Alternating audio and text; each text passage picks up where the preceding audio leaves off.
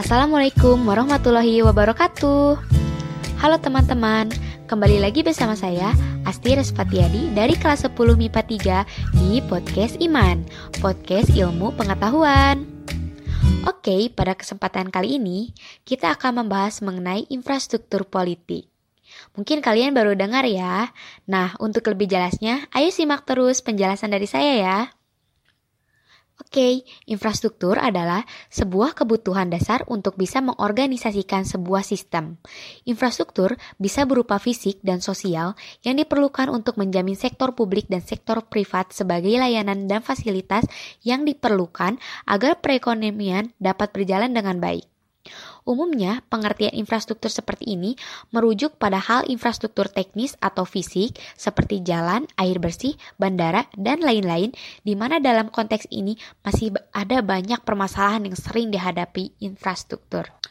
Akan tetapi, apabila ditilik lebih jauh, infrastruktur apabila dipadukan dengan politik, maka pengertiannya pun akan sedikit berubah. Secara etimologi, politik berasal dari kata bahasa Yunani polis yang memiliki arti kata yang bersat, berstatus negara kota. Dalam bahasa Arab, politik diartikan sebagai siasah atau strategi. Maka, dengan pengertian infrastruktur yang diartikan secara umum sebelumnya, infrastruktur politik bisa berarti kelompok-kelompok masyarakat yang ikut berpartisipasi secara aktif. Nah, secara umum, berikut ini adalah macam-macam infrastruktur politik. 1. Partai politik. Nah, partai politik merupakan contoh infrastruktur politik berupa organisasi yang mempunyai setidaknya lima fungsi dasar sebagai partai yang berbadan hukum dan keberadaannya diakui oleh undang-undang. Partai politik ini berperan sebagai intuisi yang berhubungan erat dengan masyarakat dalam rangka mengendalikan kekuasaannya.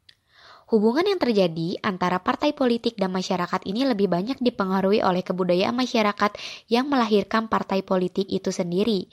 Jika kelahiran partai politik dipandang sebagai penegasan terhadap kedaulatan rakyat dalam politik formal, maka semangat kebebasan akan selalu diangkat sebagai topik utama ketika seseorang berbicara tentang partai politik sebagai pengendali kekuasaan. Nih, Kemudian yang kedua ada kelompok kepentingan. Kelompok kepentingan merupakan kelompok masyarakat yang bergabung untuk kepentingan dan keuntungan warganya. Kelompok kepentingan ini nih yang akan menampung yang akan menampung saran, kritik dan tuntutan kepentingan yang diberikan oleh anggota masyarakat untuk kemudian menyampaikannya kepada sistem politik yang ada Kelompok ini memiliki peran yang sangat penting loh sebagai penyalur aspirasi masyarakat agar pemerintah bisa mengetahui dan memahami apa yang diinginkan dan dibutuhkan oleh masyarakat. Menurut Gabriel A.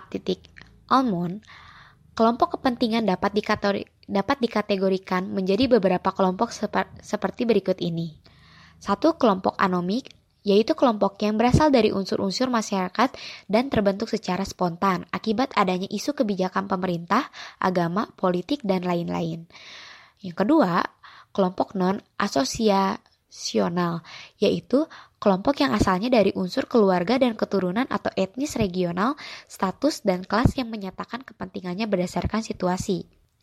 Yang ketiga, kelompok itu sional, yaitu kelompok yang sifatnya formal dan mempunyai fungsi politik atau fungsi sosial.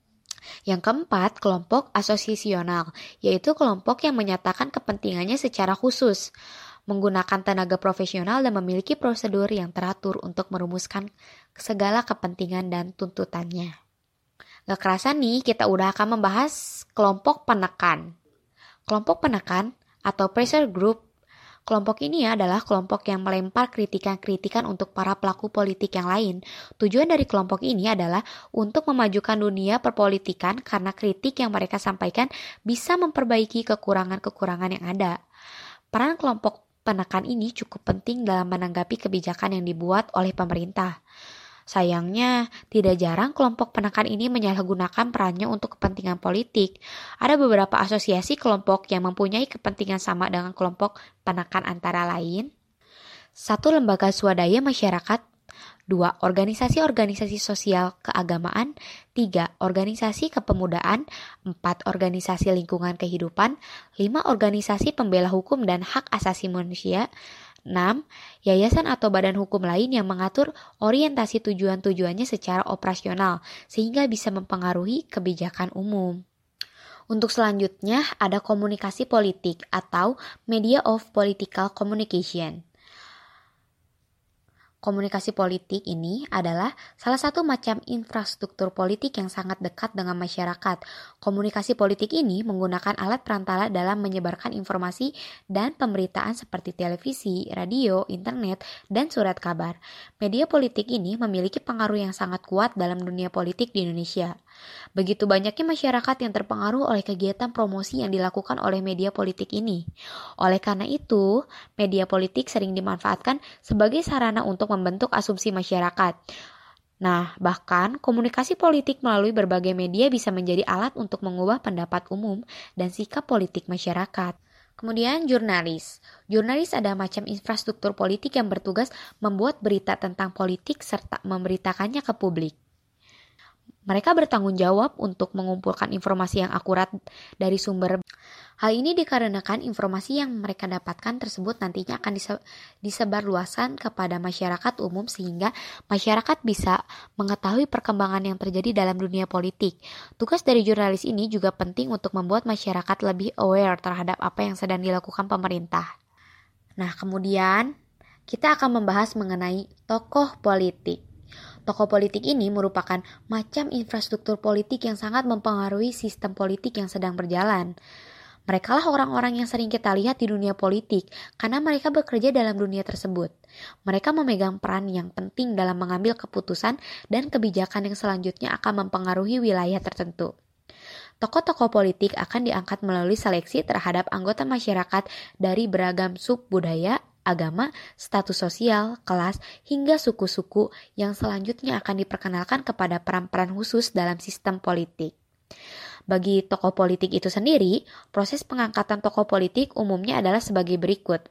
Satu, transformasi dari peranan non-politis kepada sebuah situasi di mana mereka cukup capable dalam menjalankan peranan politik yang bersifat khusus. Dua, pengangkatan dan penguasa dan penugasan untuk menjalankan tugas politik yang belum pernah mereka jalankan sebelumnya. Dalam pengangkatan ini juga terlibat proses persyaratan terkait status dan penyerahan posisi khusus kepada mereka. Nah, mungkin sekian ya yang bisa aku sampaikan untuk podcast hari ini. Jangan bosan ya. Sampai jumpa lagi bersama saya Astiris Fatiadi di podcast Iman, podcast ilmu pengetahuan. Bye bye, see you.